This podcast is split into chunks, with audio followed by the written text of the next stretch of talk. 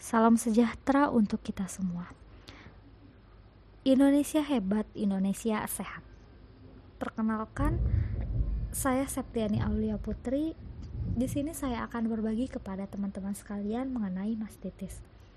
Mastitis itu sendiri adalah suatu peradangan pada payudara yang terjadi biasanya pada masa nifas atau sampai 3 minggu setelah persalinan ini tuh merupakan suatu kasus yang sering terjadi pada ibu-ibu yang menyusui, yaitu berkisar antara 2 sampai dengan 33% kasus.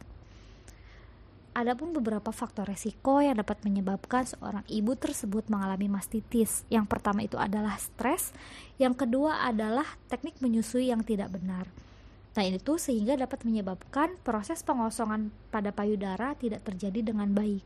Saya ambil contoh seperti ibu yang selalu menyusui pada payudara sebelah kiri misalkan, sehingga payudara yang sebelah kanannya itu tidak terjadi pengosongan dengan baik.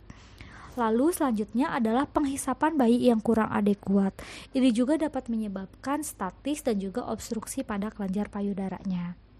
Lalu pemakaian bra yang terlalu ketat uh, dan yang terakhir itu adalah riwayat mastitis pada anak sebelumnya.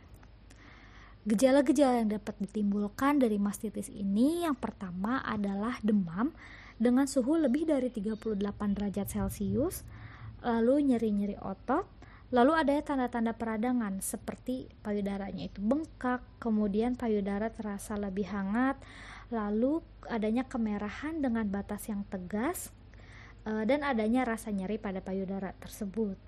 Nah, biasanya mastitis ini menyerang salah satu ataupun yang disebut dengan unilateral dari si uh, payudaranya. Lalu selanjutnya, uh, lalu selanjutnya uh, terapi yang dapat diberikan itu adalah yang pertama ibu sebaiknya tirah baring dan mendapatkan asupan cairan serta nutrisi yang lebih banyak kemudian menyusui itu dapat terus di memberikan ASI dapat terus dilakukan kepada bayi. Lalu dapat juga ibu itu memompa payudara pada payudara yang terasa nyeri dan terasa kencang. Lalu selanjutnya ibu dapat melakukan kompres dingin untuk mengurangi bengkak dan juga nyeri. Apabila setelah dilakukan itu tapi keluhan tidak membaik sebaiknya ibu memeriksakan kepada klinik ataupun rumah sakit terdekat Terima kasih, semoga ilmunya bermanfaat dan sampai jumpa di materi selanjutnya. Terima kasih.